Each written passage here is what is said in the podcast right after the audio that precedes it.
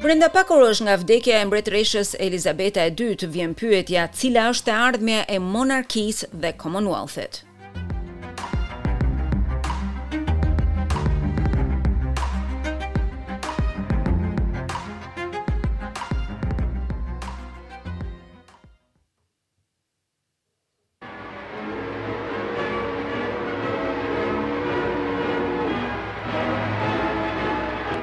early morning, the Queen and the Duke, aboard the Gothic, had responded to the cheers of welcome. But now they prepared to leave the liner, their home for so many miles. And in the royal barge, they continued across the huge harbour.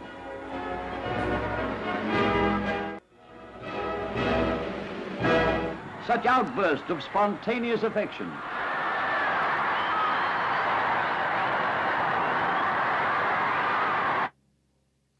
Ishin këto disa pjesë nga vizita e mbretëreshës në Australi. Gjatë vizitës në vitin 1954, një mbretëreshë njëzet e shtatë vjeçare u shpreh kështu përpara popullit australian. I am proud indeed to be at the head of a nation that has achieved so much. Standing at last on Australian soil, on this spot that is the birthplace of the nation, I want to tell you all... Jam vërtet krenare që jam në krye të një kombi që ka arritur kaq shumë, duke qëndruar më në fund në tokën australiane. Në një vend që konsiderohet si vendlindja e kombit, dua t'ju them të gjithëve se sa e lumtur jam që ndodhem mes jush. Shtatë pikë pesë milionë persona nga një popullsi dhjetë milionëshe e vendit në atë kohë dolën nëpër rrugë për të takuar mbretëreshën. Ajo vizitë e parë ishte gurthemeli i dashurisë së australianëve për mbretëreshën e tyre. Adhurimi e ndoqi kreun e shtetit të Australisë gjatë gjithë jetën e nuk ndryshoi gjatë pesëmbëdhjetë vizitave të mëpasshme, duke ndezur një dashuri të përtërirë mes një grupi brezash të rinj.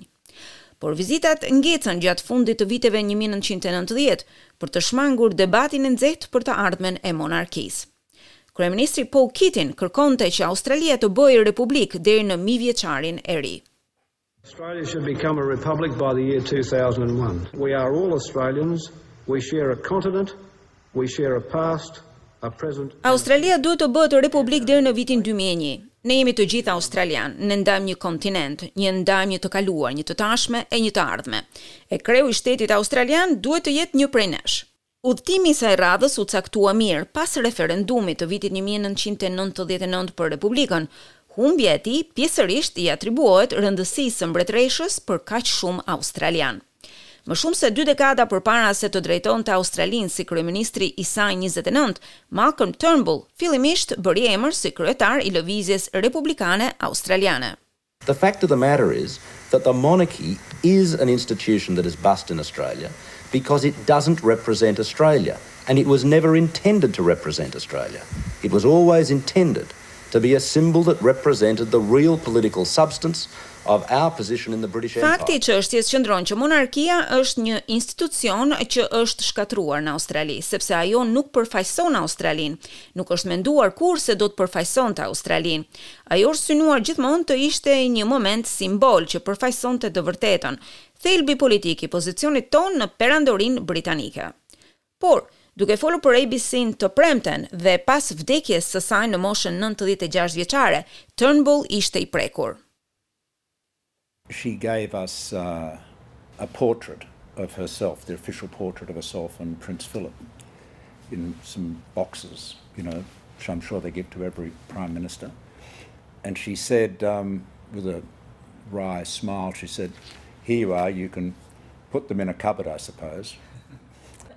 and which was charming and funny. And uh, last night, as we were filled with such dread, because it was obvious that things would turn very bad, I took the portrait of the Queen out and set it up. And we just thought what an amazing life. What amazing leadership. And it is the end of an era. Ajo na dhuroi një portret të sajnë dhe të princit Philip dhe me një buzëqeshje tha, Futi në dollap po deshe.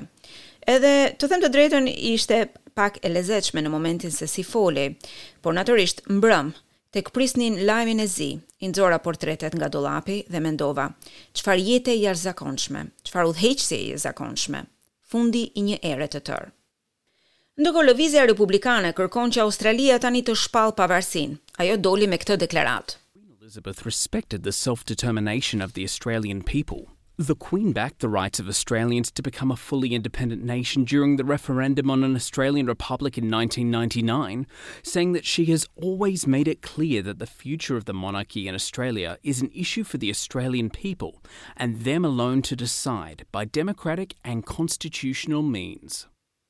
Mbretëresha Elizabeth e ka respektuar dëshirën për vetëvendosje të popullit australian. Mbretëresha ka mbështetur të drejtën e australianëve për t'u bërë një komb plotësisht i pavarur gjatë referendumit për Republikën Australiane në vitin një mijë e nëntëqind e nëntëdhjetë e nëntë, duke thënë se ajo e ka bërë gjithmonë të qartë se e ardhmja e monarkisë në Australi është çështje për popullin australian dhe vetëm ata janë të ata që duhet të vendosin, me mjete demokratike dhe kushtetuese. Australia nuk është i vetmi komb që ka vënë në dyshim legjitimitetin e familjes mbretërore dhe në Mbretërinë e Bashkuar, mbështetja për monarkinë është lëkundur herë pas here. Mjafton të kujtojmë ditët që pasuan vdekjen e princeshës Diana në gusht të vitit një mijë e nëntëqind e nëntëdhjetë e shtatë, Nick Bryant, i cili kaloi mbi njëzet e shtatë vite si gazetar me BBC, raportoi nga portat e Buckingham Palace gjatë asaj jave dramatike.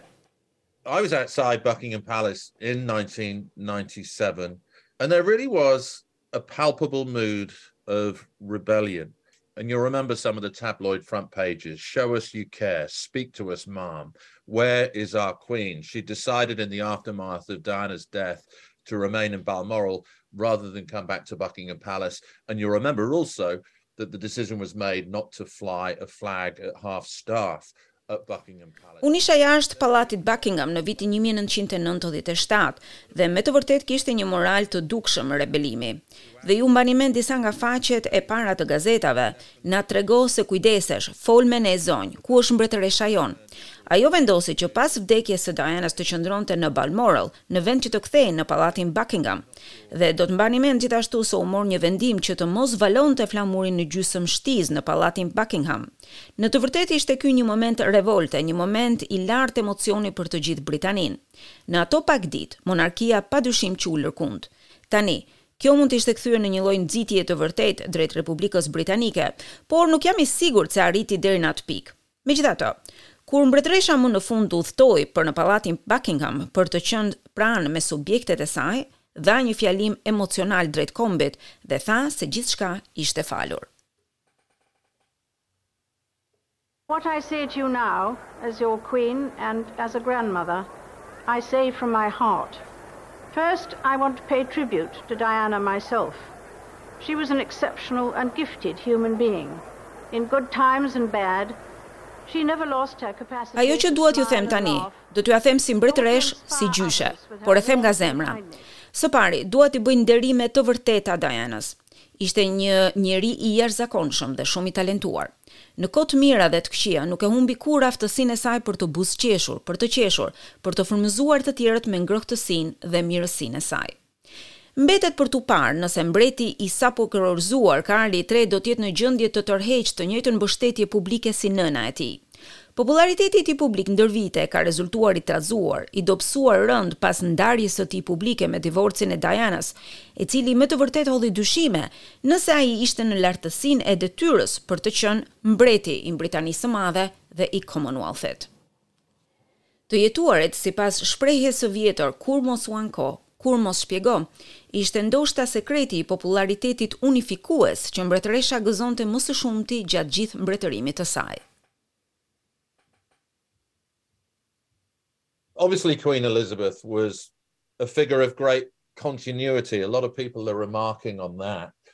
But she was also a figure of, of great transcendence. The United Kingdom really isn't that united at the moment. In Scotland, where she died, there is a drive for independence. Uh, Northern Ireland is in a state of Natyrisht që mbretëresha Elizabeth ishte një figurë e një vazhdimësie të madhe. Shumë njerëz e kanë vërejtur këtë, por ishte gjithashtu edhe një figurë unifikuese. Mbretëria e Bashkuar në të vërtetë nuk është aq e bashkuar për momentin. Në Skoci, ku edhe u shua ajo, ka një përpjekje për pavarësi. Irlanda e Veriut është në gjendje trazirash politike. Britania është ende thellësisht e polarizuar nga votimi i Brexit, gjatë gjithë kësaj kohe, monarkia ka ruajtur pikërisht këtë prani unifikuese. Në një vend që është thellësisht i ndarë, ajo ishte një figurë unifikuese. E vdekja e saj është fundi i një ere që do të ketë efekte të njëpasnjëshme për të gjithë monarkinë.